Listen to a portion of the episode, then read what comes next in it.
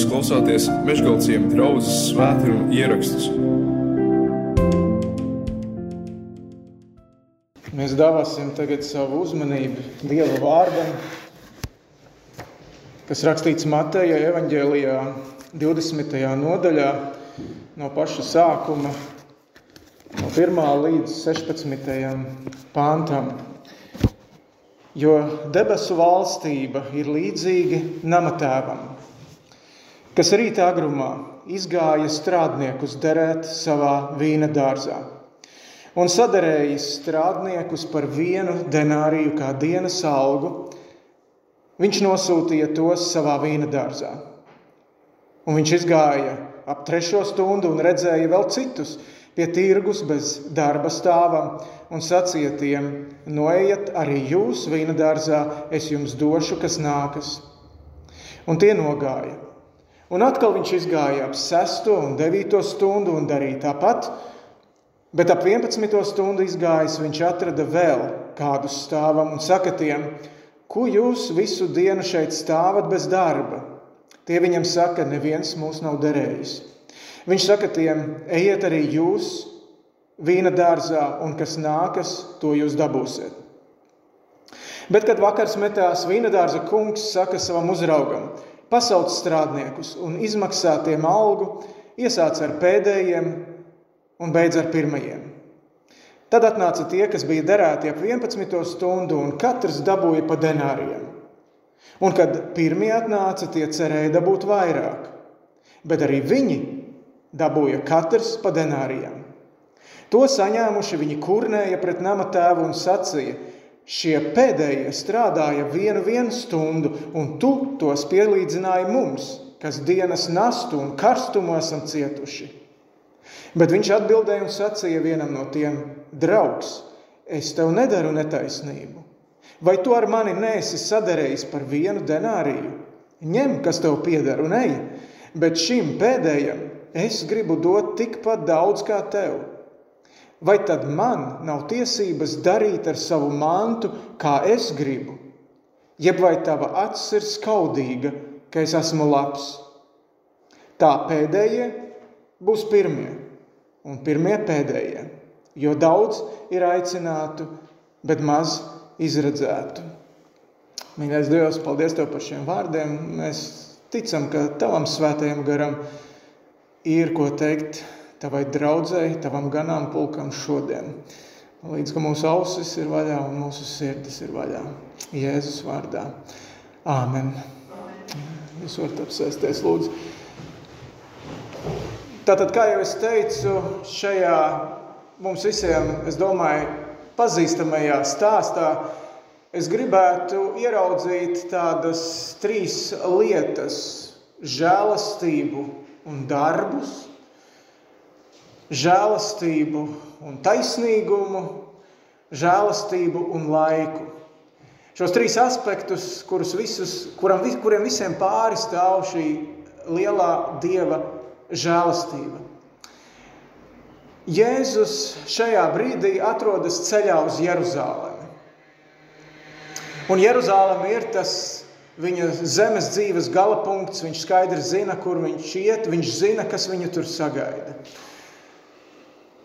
Viņš jau ir tuvu, tā Jeruzaleme vairs nav tālu. Nākamajā nodaļā Matejs jau mums stāstīs par to, ka viņš uz ezelīša iejāja Jeruzalemē, Pubulas vēdienā. Tikko viņam ir bijusi satikšanās un saruna ar kādu bagātu jaunu cilvēku iepriekš. Un viņi ir runājuši par Dieva valstību par sekošanu. Ko tas nozīmē? Ko nozīmē atstāt visu un sekot Jēzum? Un Jēzus ir devis tādu kā ieskatu debesu valstības ieguvumos tiem, kuri visu atstāja, lai sekotu Jēzum. Un šo sarunu ar, ar bagāto jaunekli un pēc tam ar mācekļiem, kuri saka, ja jau šo nevarēja izglābt, kas tad var tikt glābts? Ja? Mēs esam atstājuši visu un tev sekojuši. Šo sarunu Jēzus nobeidz 19. nodaļā, pēdējā pantā ar vārdiem: Daudzi, kas bija pirmie, būs pēdējie, un kas bija pēdējie, būs pirmie. Un šis teikums ir kā tāds ķēdes posms, kas savieno to iepriekšējo notikumu ar šo līdzību. Jo šī līdzība eh, nobeidzas, kā mēs tikko lasījām, ļoti līdzīgi. Tā pēdējie būs pirmie un pirmie pēdējie. Tā pati doma, tas pats teiciens tikai spoguļā tēlā. Pirmie būs pēdējie vai pēdējie būs pirmie. Un šīs līdzības situāciju, kur Jēzus ataino savu klausītāju acu priekšā, ir ražas laiks. Ienākusies raža, raža ir laba un darba ir daudz. Un tam vīna kalna īpašniekam viņam ir vajadzīgas darba rokas, vajadzīgi strādnieki. Un šis saimnieks iet un meklē, kas varētu nākt talkā, kas varētu iesaistīties darbā, kas varētu palīdzēt. Un mēs lasījām, ka, ka viņš uz, dar, uz to darba tirgu jau uz, iet atkal un atkal un atkal. Viņš vairāk kārt iet meklēt, jo, jo pietrūkst. Dievam arī vajag darītājus. Dievam vajag darītājus. Viens no baptistu celmlaužiem, Onkens, tāds uh, vācu mācītājs, uh, viņš reiz teica par savu draugu, kad viņam prasīja, cik, cik tad jūsu draudzē ir to misionāru, ja, kuru draugu izsūta. Viņš saka, manā draudzē mēs visi esam misionāri. Mums visiem ir uzdevums. Jēzus arī teica saviem klausītājiem, svētīgi jau ir tie, kuri ne tikai klausās, bet kuri dara, kuri iesaistās, kuri darbojas. Mēs dziesmā dziedājām lielas lietas, ne, ir jāizdara šajā pilsētā. Kurš to darīs? Kādam ir jādara, draudzē ir jādara. Dievam ir vajadzīgi darba darītāji. Protams, Dievs izglābi, kad Dievs izglābi, Viņš izglābi attiecībām ar sevi tagad un visā mūžībā. Mēs, kas bijām grēcinieki, mēs, kas bijām atšķirti, tālu no Dieva, bez izredzēm tikt pie svētā Dieva, kā grēcīgi cilvēki, Viņš pārmeta tiltu pāri ar savu krustu, ka mēs varam iegūt mieru ar Dievu, mēs varam atjaunot attiecības, mēs varam būt savā drošībā par dzīvi šeit un dzīvi mūžībā. Tā tas ir. Bet tad, kad tas ir noticis ar tevi tavā dzīvē, tad Dievs tev un man, Viņš iedod svēto garu, Viņš iedod savas dāvanas, lai kalpotu, lai darītu, lai tās lietotu. Apostols Pēters raksta savā vēstulē, jūs esat ķēnišķīgi priesteri, svēta tauta, dieva īpašums, kā Sandra šorīt teica, mantinieks. Mantinieks, brīnišķīgi, vai ne? Jūs esat, jūs tas esat. Bet kāpēc jūs to esat? Un Pēters turpina, lai jūs paustu viņa varenos darbus.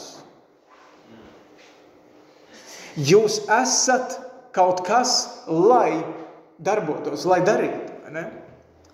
Un tomēr šī līdzība uzsver žēlastību.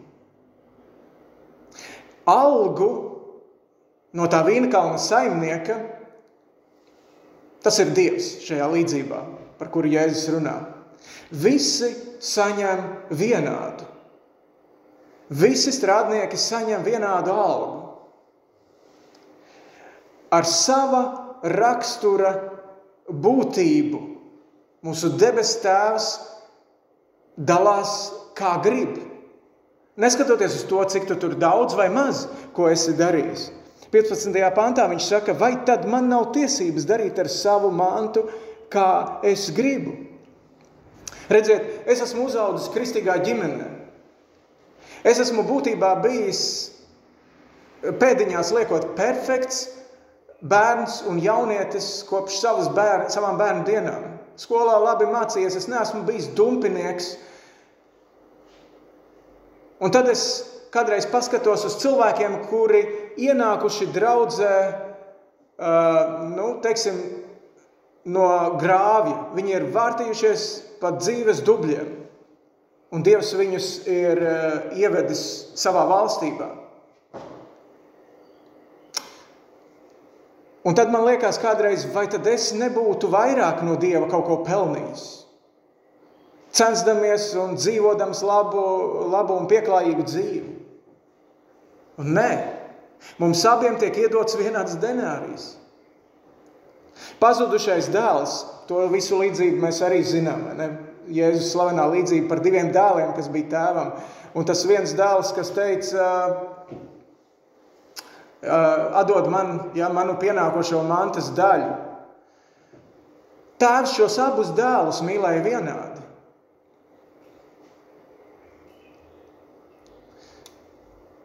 Bet žēlastība, kad tas jaunākais dēls pārnākot mājās, no grāviem, no silēm, kur viņš ir bijis, kad viņš pārnāk mājās, to žēlastību viņš ierauga, viņš piedzīvo Daudz spilgtāk nekā tas brālis, kurš dzīvoja un palika mājās. Un tomēr tas mūžīgās dzīvības denārijs, ja, denārijs paliek denārijs, kā vienam tā otram. Tēvs viņus mīl vienādi. Mēs kādreiz domājam, ka mēs taču darījām vairāk, bet nē, Dieva žēlastība uz visiem no mums ir vienāda. Mēs ar ģimeni pagājušajā nedēļā bijām Pelčos, eh, tas pie Kuldīgas, tādā nometnē, kur, eh, kur tiek rīkota bērniem ar īpašām vajadzībām. Un tur ir bērni ratiņkrēslos, vai ne, piemēram. Viņi tie ir cilvēki, kuri nekad nevarēs darboties tā, kā mēs darbojamies. Viņi nevarēs tādā cilvēciskā izpratnē kaut ko nopelnīt. Bet to žēlastību, ko Dievs arī viņiem piedāvā, tā ir tikpat īsta un tikpat pilnīga.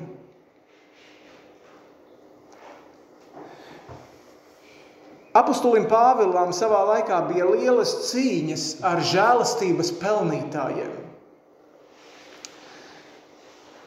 Un Pāvilam bija jāsaka, ka žēlastības valūta, kā tu iegūsti žēlastību, tā ir ticībā. Ticībā nevis nopelnos, cik daudz vai cik dedzīgi tur kaut ko dari. No žēlastības jūs esat glābti ticībā. Tas nav no jums, tā ir Dieva žēlastība. Ne ar darbiem, lai neviens nelielītos. Tā apustulis Pāvils saka Efeziešiem. Jā, Dievam ir vajadzīgi strādnieki. Viņš meklē tos, kuri, nu, kurus sūtīt darbā. Un ja tev nav šodien kaut kādas misijas, ja tev nav kaut kas, par ko tavs sirds deg, vai, vai varbūt tev ir, bet tu esi to atlicis uz kaut kādu brīdi, tad, kad, tad, kad bērni izaugs lieli, tad, kad uh, karjera nostabilizēsies, tad, kad pensija pienāks un tā tālāk, tad es tev gribu aicināt. Dievam ir vajadzīgi strādnieki, celies un sāc to darīt tagad. Sāc lietot savas dāvanas kaut vai tajā pēdējā, kaut vai tajā 11. stundā. Bet nekad nesajauc to ar Dieva žēlastību. Mēs kalpojam, jo esam apžēloti, nevis lai tiktu apžēloti. Tas otrs jautājums ko šī līdzība uzdod, ir par taisnīgumu. Un iespējams, ka tas šajā līdzībā varētu būt pat tā vissvarīgākā lieta. Jo tā atklāja to dieva raksturu, to pārsteigumu. Ja? To pārsteigumu. Ne, tas pārsteigums jau nebija tas, ka, ka, ka dievam ir vajadzīgi strādnieki, ka viņš iet un meklē. Ja? Tas jau nebija tas pārsteigums. Pārsteigums bija tad, kad viņš sāka izdalīt vai izmaksāt to algu, un tad notika kaut kas neparasts. Tad parādījās dieva raksturs. Ja jūs būtu darba devējs, ja jūs būtu šī dārza īpašnieks, kā būtu taisnīgi jūsuprāt izmaksāt šo, šo algu. Protams, ka jo, lielāks, jo, jo lielāku ieguldījumu tas cilvēks ir devis man kā saimniekam, jo, liel, jo vairāk es arī viņam par to samaksāju. Ja es aicinātu un salīgtu trīs cilvēkus, ja, vienam, es teiktu, maksāšu jums 100 eiro ja, par šo dienu. Un tad tas pirmais atnāk no rīta. Ja, Guntis, piemēram, viņš atnāk un viņš sāk strādāt. Deivis atnāk dienas vidū, viņš saka, piedod, es aizgulējos. Ja? Paēdīsim pusdienas, un tad es iešu darbā. Ja? Es teiktu, labi, Deivis strādā, vai ne? Vakarā to būs nevis 100, bet 50 eiro. Ja? Un Eriks atnāk vakarā un viņš saka, vispār man bija savas darīšanas, es te pieskarēju pašās beigās, es viņam teiktu, nu labi, par tām pāris pēdējām stundām 25 es tev samaksāšu. Tātad tajā dienā es būtu samaksājis saviem darbiniekiem 175 eiro. Dieva grāmatvedība ir kaut kādā veidā īpatnēja. Dievs ir labs un viņš samaksā visiem. Viņš samaksā 300 eiro par to dienu. Diev, Dievs dod vairāk nekā mēs esam pelnījuši. Dievs dod vairāk nekā mēs esam pelnījuši. Dievs cieš zaudējumus, lai mēs būtu ieguvēji. Tas pazudušais dēls, kad viņš pēdējiem spēkiem pārvilkās mājās, viņš bija nošvilpojis visu to savu mantojuma daļu. Nekā vairs nebija. Skrandains, noplīsis, klips, pārvilkās mājās. Viss mantojums bija izputināts. Bet tēvs viņu apģērba pa jaunu. Tēvs viņam uzlika gredzenu pirkstā. Tēvs viņam uzvilka sandalas kājās. Tēvs nokāva baroto teļu. Tēvs sarīkoja viesības. Tēvs cieta zaudējumus.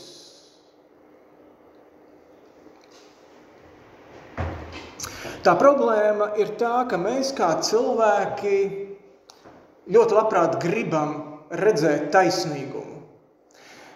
Tas ir kaut kur dziļi tajā mūsu DNS iekšā, ka ir jānotiek taisnība. Taisnīgi, bet tas ir tā kā taisnīgi pēc mūsu noteikumiem. Bet taisnīguma kritērijus Eh, savā galējā robežā nevar dot grēcīgs cilvēks. Taisnīguma kritērijus dod Dievs.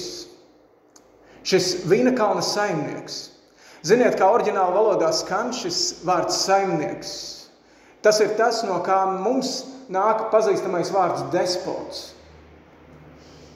Mūsu valodā tas skan nu tā, negatīvi, vai ne? Despotisks kaut kas. Grieķu valodā tā nozīme, tā, tā nozīme eh, nu, nav varbūt tik drastiska, ja, bet tomēr tā ideja, ka saimnieks ir tas, kurš uzstāda noteikumus, kā būs. Ja. Viņš, Dievs, ir tas, kurš uzstāda noteikumus. Dievs ir tas, kurš nosaka taisnīguma kritērijus. Mēnesi atpakaļ mēs ar sievu mums bija izdevība būt Briselē, arī Eiropas parlamentā, iegājām, izstaigājām, un tad, tad pie pusdienu galda ar kādu no deputātu palīgiem mēs, mēs tur sēdējām, ēdām, un es viņam blakus sēdēju, mēs parunājāmies. Es gribēju, tas bija tieši tas laiks, kad notika tā nu, lepnuma nedēļa Rīgā, Un, un es gribēju kaut kā saprast par to lobiju lietu, ja? kā, kā, kā notiek šī cilvēku prātu ietekmēšana un tā. Un, un viņš man tā vairākas reizes tieši teica, ka mums ir jāpanāk taisnīgums. Mums ir jāpanāk taisnīgums visām cilvēku grupām. Un man bija par, daudz par to jādomā. Kas tad būs šis taisnīguma atskaites punkts? Vai tas, ka visiem, visiem cilvēkiem būs visiem vienādas iespējas? Kura ir tā universālā patiesība, ja, ko mēs ņemsim par atskaites punktu? Mums, kā kristiešiem, mēs teiktu, jā, mums ir atskaites punkts, mums ir Dieva vārds, mums ir uh, Dieva autoritāte, pēc kuras mēs sakām, vai tas ir greizs vai tas ir taisnīgs. Bet, ja šī sabiedrība, kurā mēs dzīvojam, ir tā saucamā postmodernā sabiedrība, kura saka, ka cilvēks ir visu lietu mērs, ka cilvēks ir tas atskaites punkts, ka, katra, ka nav viena viena vienīga patiesība. Tad, tad to, to patiesību mēs nogrūžam malā, bet taisnīgumu mēs vēlamies. Sanāk kaut kāda pretruna. Es atceros no savas bērnības tāda, tāda bija pasaka, varbūt jūs arī esat dzirdējuši, platē bija ierakstīta, man liekas, kā Anta Klints, viņu lasīja aktrise, uh, par diviem lācēniem, kuri mežā nejauši atrada siera rituli. Un abi bija laimīgi un gribēja sadalīt taisnīgi uz pusēm, bet nu, viņi neprata. Bet satika labs, un labs teica, tā nav problēma. Viņi paņēma un pārlauza, bet viņi to pārlauza ar nolūku, lai viens gabals būtu lielāks nekā tas otrs. Un lācēni saka, nē, nē, nē, tur nav taisnības. Lapsa saka, viss būs kārtībā. Viņi paņem nokož no tā lielākā gabala, bet ar tādu nolūku, ka tagad tas otrs paliek lielāks un tas ir mazāks. Lācēns saka, nav taisnīgi, nav taisnīgi. Labs saka, nu pagaidi, pagaidi ar pilnu muti. Viņš saka, nokož atkal no otra gabala. Un tā visu laiku, kamēr tiem lāceniem paliek tādi mazi, mazi kriksīši, bet viņi ir vienādi, beidzot. Ja? Un labs apēdus. Un es baidos, ka ar mums tā var notikt. Saimnieks ir tas, kurš noteica atskaites punktu. Denārijas šī žēlastība ir dota tiem, kas nevar. Tas denārijs tika piešķirts pat tiem, kuri necerēja vairs tajā pēdējā stundiņā par to mazo, mazo darbiņu vēl kaut ko saņemt. Bībele saka, ka Dievs pazemo lepnos, bet paceļ pazemīgos. Patīk mums vai nē, tas saimnieks, tas despots nosaka taisnīguma robežas. Un mēs varam šeit sanākt kopā un iztaisīt nobalsošanu par to, ka mēs atcelsim gravitāciju, ka mēs atcelsim fizikas, ķīmijas vai bioloģijas kaut kādus likumus, bet tie ir noteikumi, kurus ir noteicis kāds cits. Un ja tu varbūt arī mocies ar kādu netaisnības sajūtu kādā vienalga savas dzīves sfērā, tad meklē Dievu. Jēzu Kristu viņš ir atklājis savu žēlastību, kas ir lielāka pat par mūsu izpratnē esošu taisnību vai taisnīguma trūkumu. Bet šī trešā dimensija, ko arī mēs šajā līdzībā pamanām, Tā ir laiks. Žēlastība un laiks. Ir kādi, kas ir pirmie, ir kādi, kas ir pēdējie. Ir kādi, kas strādā ilgāk, un ir kādi, kuri ilgāk stāv tirgus laukumā bez darba.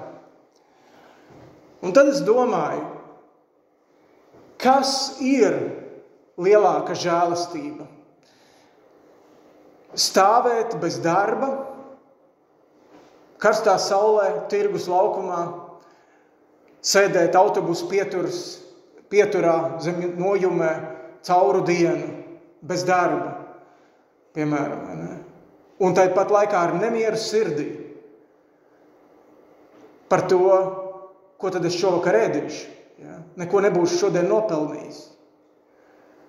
Kā es uzturēšu ģimeni, kā es samaksāšu rēķinus. Vai, tas, vai tā ir lielāka žēlastība, vai atkal svīst sviedrus dieva darbā? Es teiktu, ka tas otrs - liederīgi, jēgpilni dzīvot, strādāt, kalpot. Laikam mūsu pasaulē ir tādas zonas, mēs, mēs zinām, ka pasaule ir sadalīta laika zonās. Ja? Un uh, mūsu vecākais dēls šobrīd atrodas Amerikā, un viņš šajā brīdī viņš guļ. Viņš ir aizmidzis, skatās sapņus. Mums saule šobrīd atrodas zenītā. Viņš šo pašu brīdi, kad saule būs zenītā, piedzīvos tikai pēc septiņām stundām. Ja? Dievs arī cilvēkus katru aicina savā laikā. Kādu viņš aicina savā darbā, jaunībā jau. Nāc, kalpo, darbojas ar savu enerģiju, spējām un tā tālāk. Kādu viņš aicina jau vecumā. Kādu viņš aicina un izradz tam karstajam cēlienam, lielām cīņām, daudzām grūtībām, kurām ir jāiziet cauri. Un kāds tiek aicināts atkal tādā pēcpusdienas vēsumā, ne, vēl pastrādāt. Bet nāc un strādā. No dieva punkta, skatu punkta skatoties eh, šim eh, laikam, kad viņš aicina cilvēku, tam nav tik liela nozīme. Mums ir. Tāpēc, ka mēs esam ielikti laikā. Mēs varam nokavēt. Un tāpēc Bībele tik uh, uzstājīgi saka, piemēram, vēstulē ebrejiem, autors tur saka, tāpēc, kad Dievs runā šodien, kad tu dzirdi viņa balsi, neapcietini savu sirdi. Šodien, kad Dievs runā, tad neap, neapcietini, tad neatliec savu iesaistīšanos Dieva darbā. Dieva denārijas gaida. Es nevaru jā, tā, kā to var izdarīt Krišs. Es nevaru tā, kā to var izdarīt Stīvs. Es nevaru tā kā Deivs. Es nevaru tā kā Guntis. Bet tu vari tā, kā tu vari. Jo Dievs, tā ir viena cita līdzība, kur arī saimnieks aizceļodams saicina savus kalpus un iedod katram tur to naudiņu, ar kuru rīkoties, lai, lai vairotu viņu mantu. Ja? Tas saimnieks, kas arī runa par Dievu, viņš jau nepārmeta kalpiem, ka tas viens bija nopelnījis vairāk nekā tas otrs, tad, kad viņš prasīja to atmaksu. Viņš pārmeta tam, kurš nedarīja neko, lai sava kunga mantu vairotu. Apkopojot, žēlastība nav atkarīga no darbu apjoma. Dieva grāmatvedība darbojas pēc citiem principiem, pēc debesu, valstība, debesu valstības taisnīguma principiem. Bet kamēr mēs, es un tu, kamēr mēs elpojam, mēs esam ielikti vienā, vienā objektīvā apstākļā, mēs esam ielikti laikā. Un no Dieva puses es aicinu nenokavē. Nepazaudē kaut ko ļoti būtisku, dzenoties pēc kaut kā nebūtiska savā dzīvē. Lai pagaida Dieva valstības denārijas, kamēr es tur kaut ko. Debesu valstībā ir vietas diezgan. Mums šeit klātesošajiem visai grobiņai Visiem ir vietas debesu valstībā, bet laiks iztek. Tāpēc Dievam ir vajadzīgi strādnieki, tāpēc viņam ir vajadzīgi sūtiņi. Neatliec. Ja Dievs ir šodien uz tevi runājis, un tev nav miera par kaut ko tavā dzīvē, tad es gribu aicināt, ka arī pēc šī dievkalpojuma tu nāc Mēs, mēs nesteigsimies projām. Mēs ar Sandru esam gatavi palikt arī un lūgt kopā ar jums. Un meklēt Dieva palīdzību. Un izdarīt kādas izvēles. Iet un strādāt.